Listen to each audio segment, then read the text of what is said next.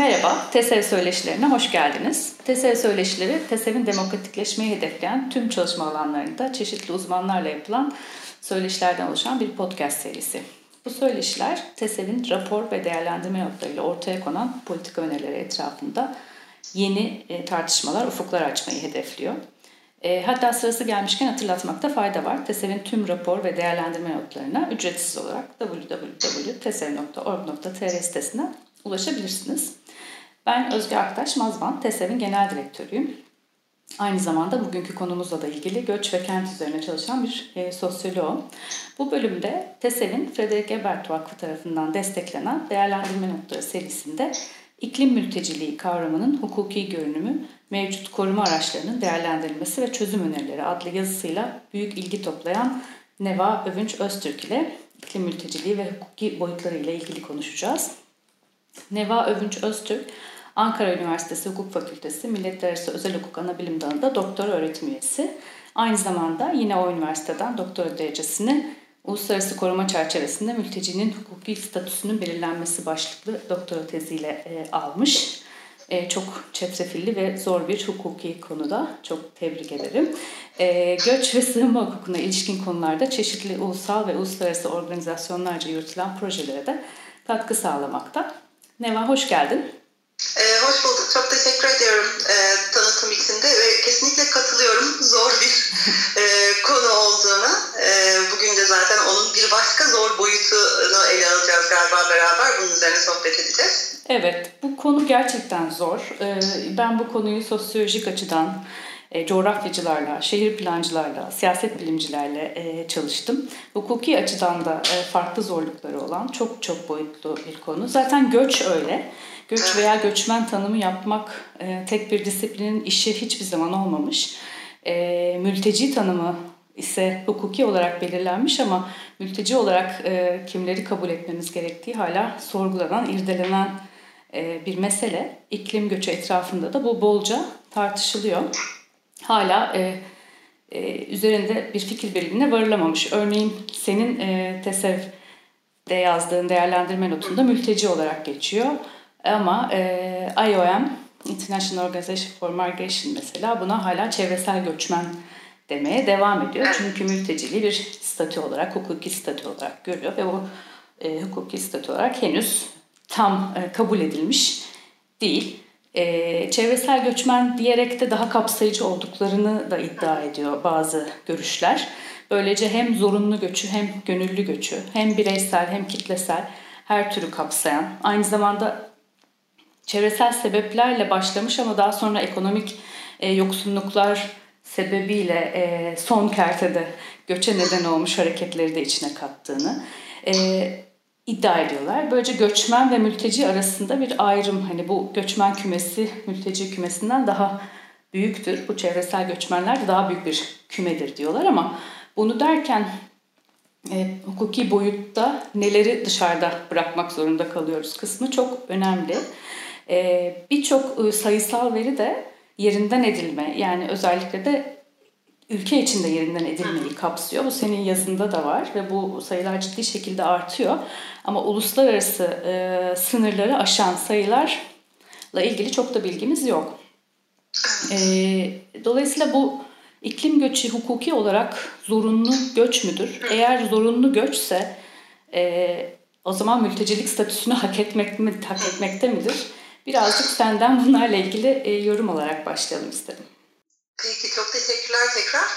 Ee, belki şöyle başlayabiliriz. Önce zorunlu göç e, kavramına hukuk nasıl bakıyor? Belki e, bunu bir oturttuktan sonra e, iklim mültecileri özelinde bir değerlendirme yapabiliriz. Senin de belirttiğin gibi aslında e, ben de iklim mülteciliği kavramını kullanıyorum ama bu kavram e, uluslararası hukukta bağlayıcı bir kaynak içerisinde yer, yer alan, tanımlanmış bir kavram değil.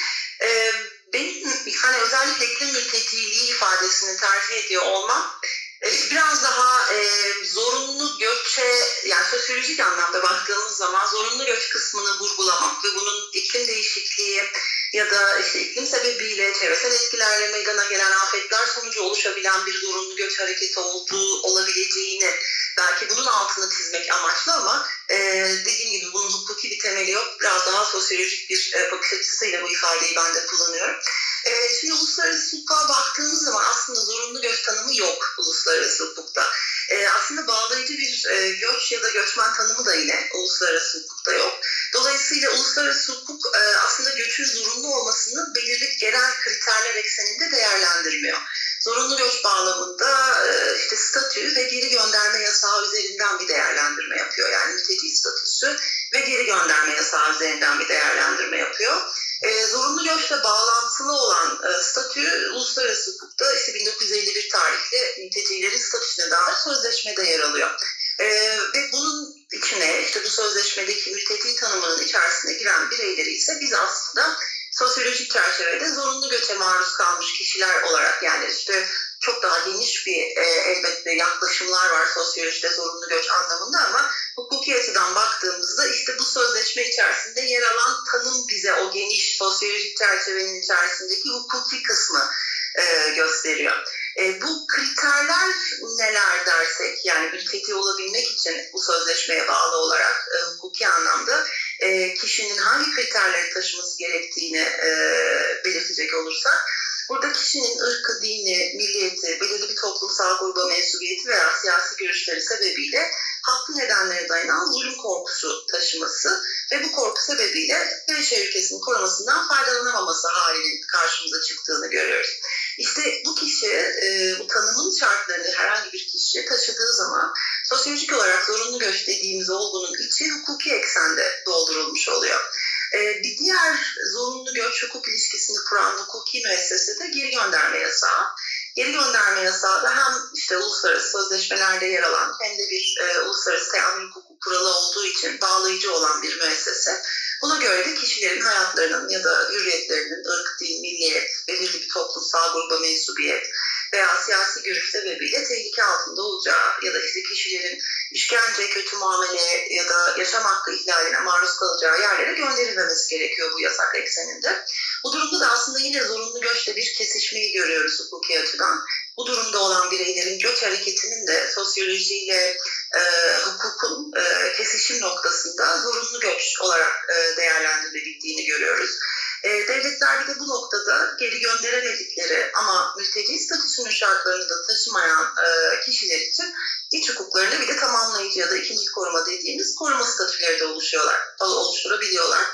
E, şimdi buradan hareketle terminolojik olarak baktığımızda başta da söylediğim gibi aslında iklim mültecisi ya da iklim göçü gibi e, terimlerin uluslararası hukukta yer almadığını görüyoruz. E, aslında biz e, meselenin hukuki boyutunu değerlendirirken iklim nedeniyle zorunlu göçe ya da göçe maruz kalmış olan kişileri e, nitelemeye çalışırken terimleri ağırlıklı olarak sosyoloji disiplininden e, ödünç alıyoruz.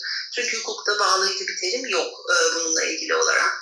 E, nitekim işte senin de belirttiğin gibi aslında hani sosyolojik çerçevede de baktığımızda tek bir terim üzerinde de uzlaşma olmadığını görüyoruz. İşte sen de belirttiğin çevre mültecisi, iklim göçmeni, çevre göçmeni, çevresel etkilerle yer değiştiren kişiler gibi e, ifadeler kullanıldığını da görüyoruz. E, ama iklim mültecisi olarak değerlendirdiğimiz kişilerin işte hukuki anlamda zorunlu göçe maruz kalmış kişiler olarak e, tanınabilmesi için de az önce bahsettiğim mülteci statüsü kriterlerini taşımaları ya da geri gönderme yasağına giren kişilerden olmaları gerekiyor. E, bu sebeple de iklim tek başına e, uluslararası hukukta bir koruma statüsü e, tetikleyen, yaratan bir e, bağlayıcı uluslararası hukuk kaynağında düzenlenmiş bir unsur değil. E, tabii bu açıdan baktığımızda bu belirsizlik yani hukuki belirsizlik e, işte iklim nedeniyle göç eden kişilere yönelik istatistik verilere de aslında yansıyor. E, çünkü e, aslında özellikle sınır aşan e, göç hareketleri açısından bireyin zorunlu göç kapsamında işte uluslararası koruma başvurusunda bulunması durumunda böyle iklim mülteciliği gibi özel bir e, statüde bulunmadığı için bu kişiler diğer uluslararası koruma başvurusunda bulunanlar arasında silik bir görünüme sahip oluyorlar. E, ve dolayısıyla özel olarak istatistik verileri de yansımıyor e, onların başvuruları. Genellikle devletler başvurular üzerinden istatistik verilerini oluşturuyor. Yani işte kaç kişi ne sebeple olursa olsun uluslararası korumaya başvurmuş bu rakamları e, belirliyorlar ya da hangi ülkelerden başvurmuşlar, cinsiyetleri, yaşları gibi e, hususlara bakılıyor. Böyle olunca e, baş başvuru nedenleri gibi bir alt başlık çok sık gördüğümüz bir veri unsuru değil. E, kaldı ki başvuru nedenleri de istatistik verilerine dahil edilmiş olsa bile e, bu nedenler genelde hukuki çerçevedeki nedenlerle sınırlı olarak ele alınabiliyor ve bu çerçevede de iklim yer almıyor. E, dolayısıyla rakamlar bakımından e, kesinlikle bir belirsizliğin söz konusu olduğunu da e, söyleyebiliriz. Bunun da aslında az önce belirttiğim gibi temel sebeplerinden bir tanesi hukukun e, ismine ne derseniz deyin, iklim mültecisi deyin, çevre mültecisi ya da göçmen e, deyin. Bu gruba yönelik e, özel bir statü ve belirli kurallar oluşturmamasından kaynaklanıyor. Aslında çok güzel özetledin. Tanımlanamayan bir şeyi saymak da evet. mümkün olmuyor. E, tanımlanamamasının önünde de tabii e, ve arkasında bir sürü sebep var. Bu son dönemde yapılan Global Compact'lerde ki Global Compact for Migration da artık yapılmaya başlandı. E, bazı kurumlarca mülteci statüsüne çevre nedenli gücü e, neden sokulması gerektiği argümanı yapılırken bunun neden olmaması gerektiğini de e, bu alanın çok muğlak olduğuna, çok gri olduğuna yani çevre nedenle göç ettim diyen bireylerin işte örneğin balıkçılık faaliyetini kaybetmiş bir tek kişinin e, işte ekonomik durumunun bozulması da olabileceği, bunun mülteci statüsüyle adlandırılmasıyla birlikte buna benzer e, çok fazla vaka yaşanacağı gibi yani aslında hani e, sosyolojik olarak tamamen de zorunlu güç olarak tanımlanabilecek e, vakaların bir, bir gri alana, çevre nedeniyle e, e, e, bir çerçeveye oturtulduğunda gri alana girdiğini ve çok geniş e, bir alan açacağını söylediği için hükümetler e, buna çok yanaşmıyorlar. Yani e, son dönemde görülen tüm zirvelerde diyeyim tırnak içinde konuşulan tartışmalar izlendiğinde hükümetlerden çok hukuka güvenen e, uzmanlar var gibi duruyor. Yani bu senin demin bahsettiğin e, geri gönderme yasağına örneğin. Geri gönderme yasağı e, maddesi sonuçta e, tüm e, işte 1951'den bu yana değil mi? Yanlış bilmiyorsam. Sözleşmede de Sözleşmede kabul görmüş bir e, madde. Geri gönderme yasağı kullanılarak acaba iklim göçmenlerinin hayatı e, iyileştirilebilir mi e, diye sorarsak senin yazında da bahsettiğin birkaç vaka var. E, hukuki dava var daha doğrusu. E, bunlardan biraz bahsedebilir misin? Yani biz de hükümetlerden çok e, başta hukuka mı güvenmeliyiz bu zor konuda? Evet aslında şöyle bir şey var yani çok isabetli bir noktaya temas ettin. Ee, aslında bu global compact'lar e, bu tür düzenlemeleri biz hukukta e, bağlayıcı olmayan soft law kaynakları olarak değerlendiriyoruz. Yani aslında niyet beyanı e, gibi. Ama e, hukukun bir şeylerin gerçekleştirilebilmesi için araç olarak kullanılması noktasında bağlayıcılık önem arz ediyor.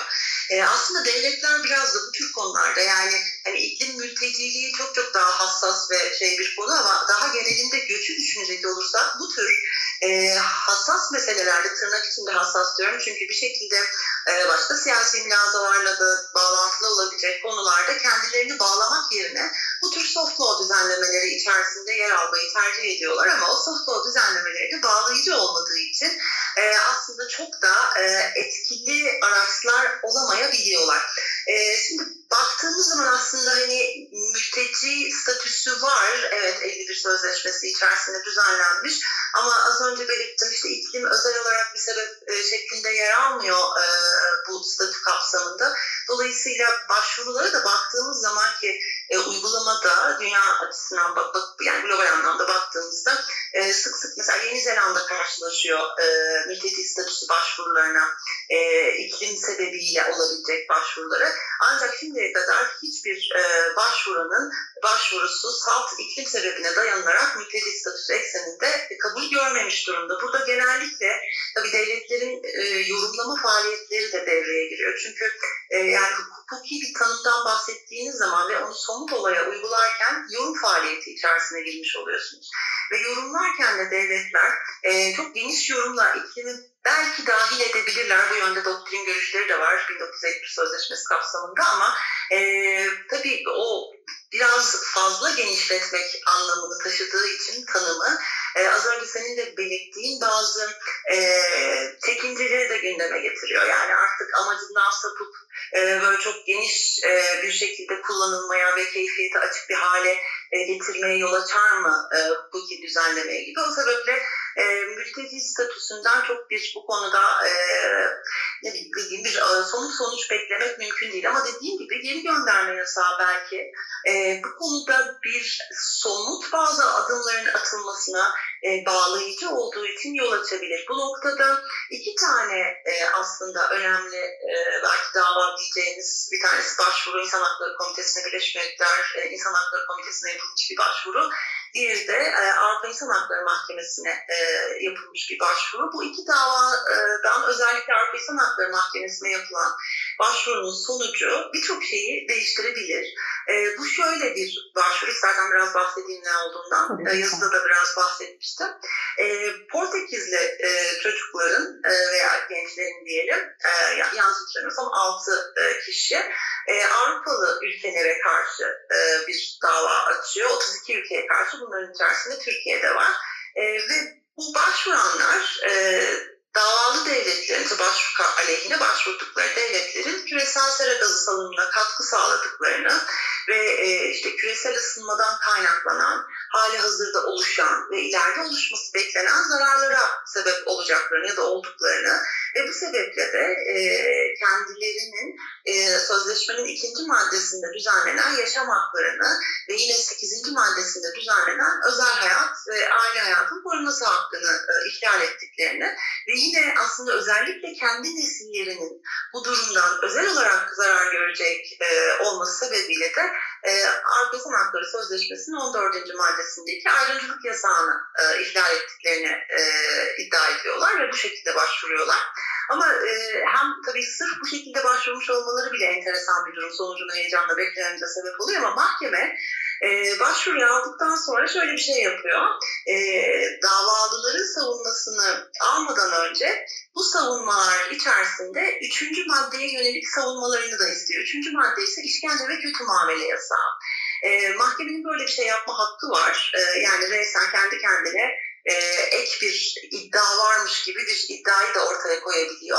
E, bu niye önemli göç açısından? Çünkü geri gönderme yasağında az önce belirttiğim gibi e, kişinin gönderileceği yerde işkence ya da kötü muameleye uğrama riski olduğunda da devletlerin kişileri buralara göndermemesi gerekiyor. Şimdi eğer mahkeme, henüz tabii bu davanın kararı verilmedi, 2020'de başvuruldu e, Avrupa İnsan Hakları Mahkemesi'ne. E, Avrupa İnsan Hakları Mahkemesi eğer kararında e, bu söylenen iklim sebebiyle oluşabilecek e, zararların ya da hali hazırda oluşmuş zararların kötü muameleye yol açtığına karar verirse e, artık e, bu göç açısından da iklim sebebiyle oluşan zararların e, kişilerin bu zararların oluştuğu yere gönderilmemesiyle sonuçlanması e, şeklinde değerlendirilebilecek. Ve dolayısıyla iklim aslında ve iklim sebebiyle oluşan zararlar e, tek başına geri gönderme yasağının kapsamına girebilecek bir e, seviyeye ulaşabilecek. Bu açıdan e, kararı heyecanla bekliyoruz. Bir diğer e, şey ise gelişme diyelim e, sonuçlanmış bir başvuru az önce belirttiğim e, Birleşmiş Milletler'in İnsan Hakları Komitesi'ne e, Teitiota isimli bir e, kişi tarafından Kiribati vatandaşı olan bir kişi ve ailesi tarafından yapılmış bir başvuru.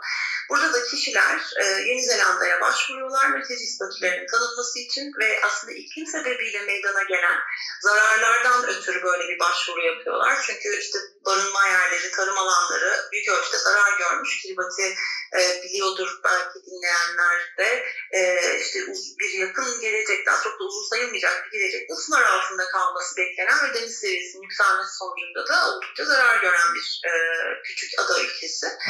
E, ancak Yeni Zelanda mülteci statülerini kabul etmiyor ve geri gönderiyor Kiribati'ye bu aileyi ve bunun üzerine onlar da İnsan Hakları Komitesi'ne başvurup e, Yeni Zelanda bizi e, geri gönderdi ve bu gönderme eylemi e, Medeni ve Siyasi Haklar Sözleşmesi'nin iki, e, sözleşmesinde düzenlenen yaşam hakkına aykırılık teşkil ediyor diye iddiada bulunuyorlar ama e, komite, İnsan Hakları Komitesi ihlal bulmuyor. Yani bu gönderme eyleminin yaşam hakkı üzerinde tehdit oluşturduğunu kabul etmiyor. Ancak E, göç, özellikle iklim göçü e, çalışan lar açısından çok önemli bir e, yorum yapıyor ve diyor ki bu demek değildir ki iklim sebebiyle meydana gelen zararlar geri gönderme yasağını harekete geçirmesin.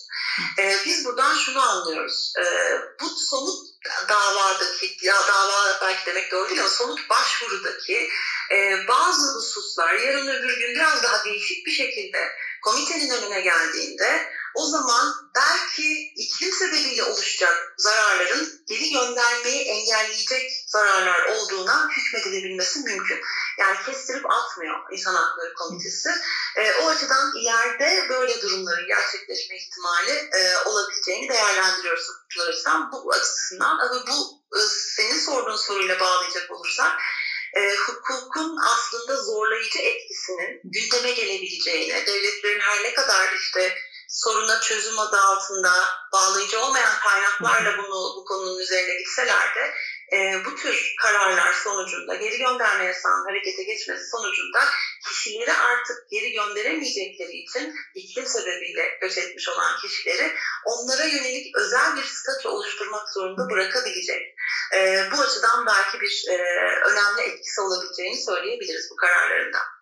Evet, çok ilginç gerçekten. Belki de ayak dilemeye devam edemeyecekler pek yakın zamanda ama buradan da anlıyoruz ki çok e, sayılar artıyor olmasına rağmen e, çok az e, ortaya çıkan hukuki vaka var. E, çünkü hala henüz bütün tartışmalar uluslararası ölçekte de biraz ön almaya yönelik. Yani bu sayılar artacak. Hani iklim krizi zaten aldı başını gidiyor e, ve bu sayılar bir anda e, şiddetle artacak ve ulus aşırı yer değiştirmeler e, sıklaşacak. Biz o zamana geldiğimizde bununla başa e, çıkamayacağız. Dolayısıyla önceden ne yapabiliriz? Yani ulusal bazda bazı çalışmalar yapılıyor. Uluslararası ölçekte de işte tartışılıyor. E, çok bir sonuç çıkmıyor dediğin gibi bağlayıcı en azından bir anlaşmaya varmıyor ama e, birazcık ön alma tartışmaları. E, ama böyle köşeyi döndüğümüz anda da karşımıza çıkacak bir bir büyük fenomenden bahsediliyor. Evet. Türkiye'ye getirirsek tartışmayı, Türkiye açısından da yani Türkiye'nin bu e, transit göç rotasında olması meselesi özellikle iklim e, krizi ve bu iklim göçünün gerçekleşmesi beklenen yerlerden çıkacak göçmenlerin Türkiye'den geçmek durumunda olacağı.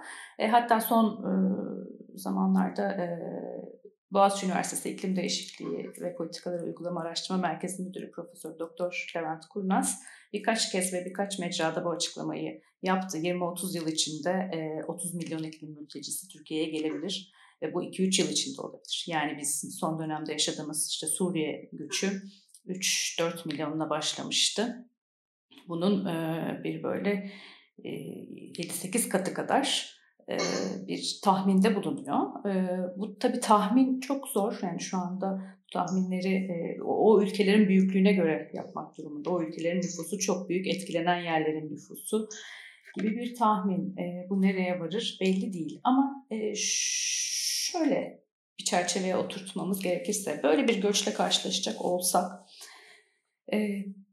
bizim mevcut göç e, idaresi, göç yönetimi araçlarımız ki bunun başında göç idaresi genel müdürlüğü geliyor. Bir de e, yabancılar ve uluslararası koruma kanunumuz var şu anda. E, bizim tüm uluslararası göç e, hareketlerini ve buradaki göçmenlerin hayatını düzenleyen. Bunlar bu tip bir göçle e, baş edebilecek kapasitede mi? değil mi? Ne gibi yeni araçlar geliştirilebilir? Veya şu anda uluslararası platformda e, çok tartışılan ulusal eylem planlarının önemi. Yani henüz bunlar e, hukuki olarak ya da kanunlaşacak kadar e, vaka yok önümüzde ama bir eylem planı yapıp bu kanunlaşmasının hızlıca olması gerektiği zamanda da e, hazırlıklı mı olsak diye tartışılıyor.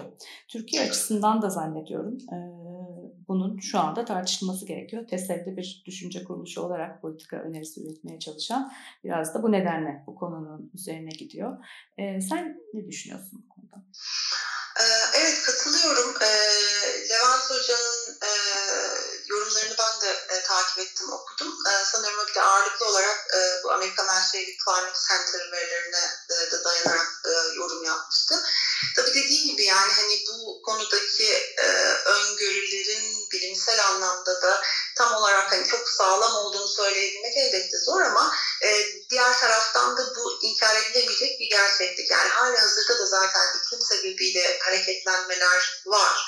E, ve dolayısıyla bu olabilecek bir şey. Kaldı ki Türkiye açısından baktığımız zaman Türkiye göç yolları üzerinde bulunan bir ülke diye her zaman anlatıyoruz ama aynı zamanda bu sadece e, çevre ülkelerdeki karışıklıkların yoğun olması bu nedenle bir göç yolu üzerinde bulunmanın dışında artık iklim sebebiyle de e, iklimden ya da küresel ısınmadan e, dünyanın her tarafı elbette zarar görüyor ama ağırlıklı olarak da zarar görebilecek olan, gelişmekte olan ülkeler açısından da bir göç yolu üzerinde bulunuyor. Dolayısıyla e, bu öngörüler tamamıyla gerçekleşmese bile yani hani az bir kısmı gerçekleşse bile e, elbette Türkiye'ye yönelik olarak da bir e, iklime dayalı göç e, oluşabileceği aşikar. E, dediğin çok doğru bir eylem planı oluşturulması hususu. Sanıyorum yani bizim açımızdan bakacak olursak e, bir kere Göç İdaresi Genel Müdürlüğü ismi çok yakın zamanda Göç İdaresi Başkanlığı olarak değişti. E, ben de Göç İdaresi Başkanlığı değil e, ama alışkanlıkla Göç İdaresi evet. Genel Müdürlüğü evet. diyebilirim elbette.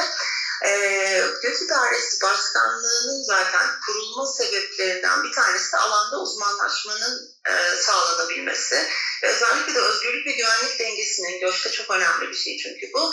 E, kurulabilmesinin de sağlanması bir açıdan baktığımız zaman e, ve böyle bir uzmanlaşmanın gereği olarak zaten aslında öngörülebilen bir e, olgunun e, daha gerçekleşmeden e, bu olguya yönelik tedbirin alınması ve hazırlıkların yapılması da beklenir bir durum. Çünkü zaten uzmanlık e, bir meselesi olarak görülmüş ki sivil bir organizasyon e, bu konuda e, uzman olarak ya da bir e, sorumlu birim olarak kurulmuş.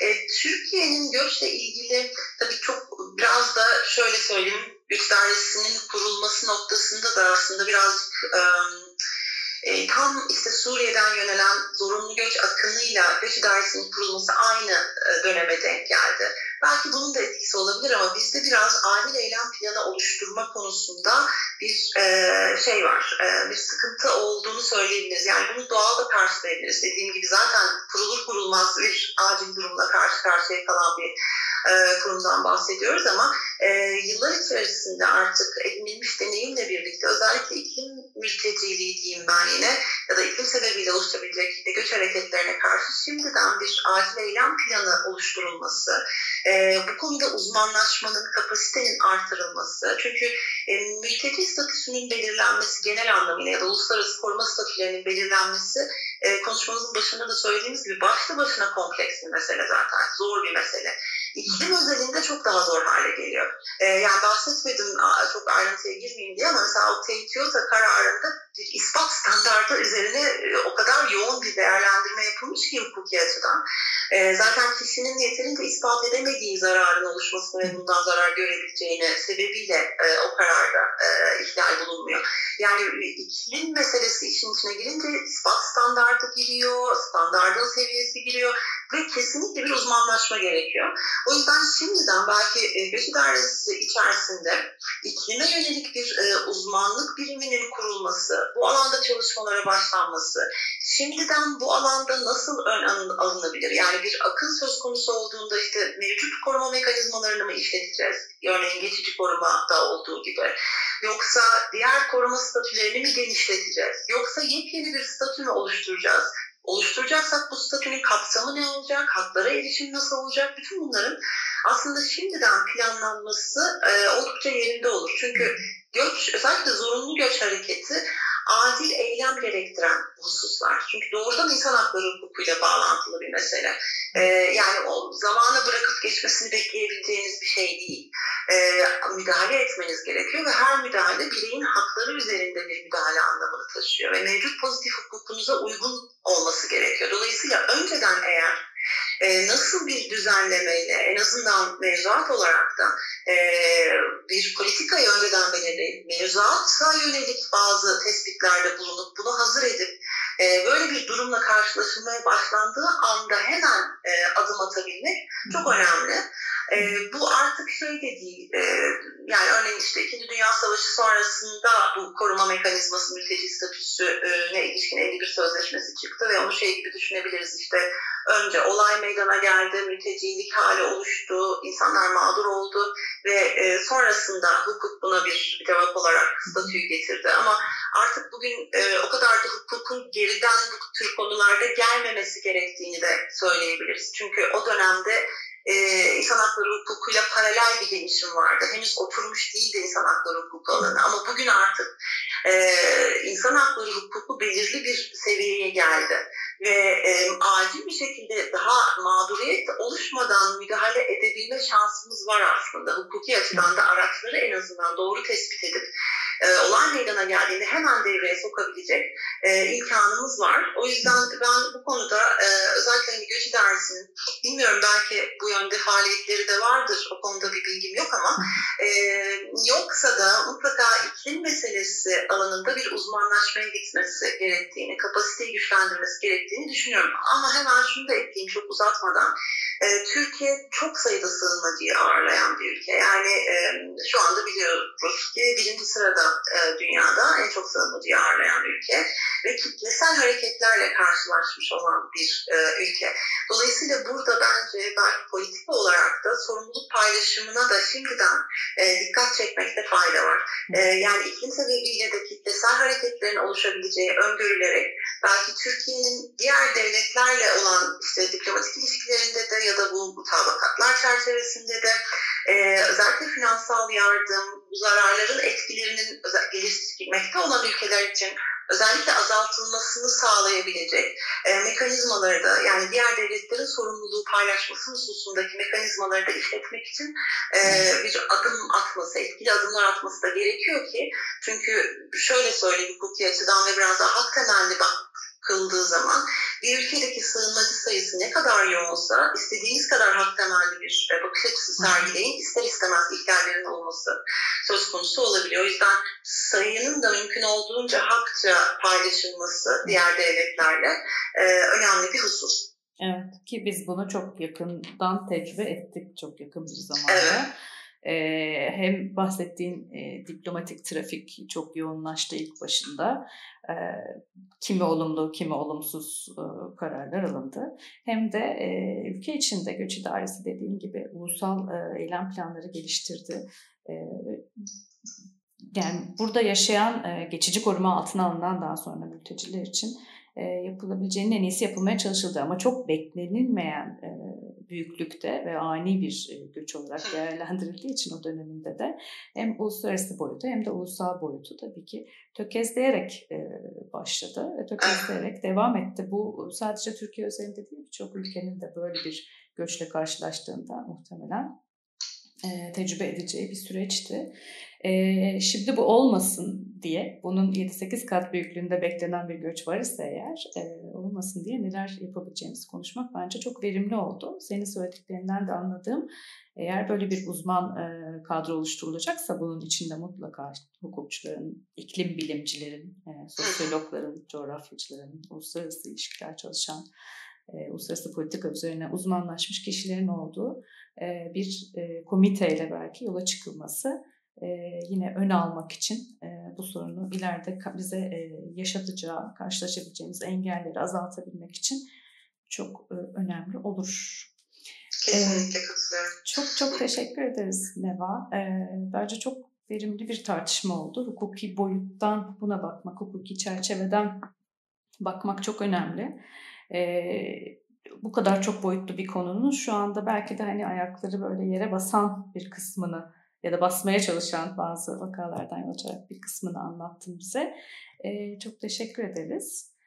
E, ben çok teşekkür ediyorum. Benim için de gerçekten çok e, e, keyifli, güzel bir sohbet oldu. E, o kadar hani şey bir konu ki e, böyle e, alt konuları olabilen, genişletilebilen, bir konu ki hani konuştukça daha da insana böyle bir şeyler söyleyesi geliyor. Ama e, çok net ve güzel sorularla e, yani senden gelen güzel sorularla umarım e, ben de içini birazcık doldurabilmişimdir. Çok çok Kesinlikle. teşekkür ediyorum. Bana da kalsa 2-3 bölüm daha bu konuda devam etmek isterim. Her zaman hazırım ben. Tamamdır, neden olmasın. Ee, Bugün e, TESEV söyleşi serisinde e, Neva Övünç Öztürk ile birlikteydik. Ankara Üniversitesi Hukuk Fakültesi Milletler Arası Özel Hukuk Anabilim Dalı'nda doktor öğretim üyesi. E, Neva aynı zamanda e, bir e, TESEV için bir değerlendirme notu yazmıştı. O değerlendirme notunu merak edenler yine TESEV.org.tr'den e, erişebilirler bu nota ve buna benzer e, diğer notlara. Ben e, Özge Aktaş. Bugün Frederick Ebert Vakfı'nın desteklediği Değerlendirme Notları serisinde iklim ve e, iklim mültecileri e, ve hukuki boyutları ile ilgili bölümümüzü tamamlamış oluyoruz. Bütün dinleyenlere çok teşekkür ederim.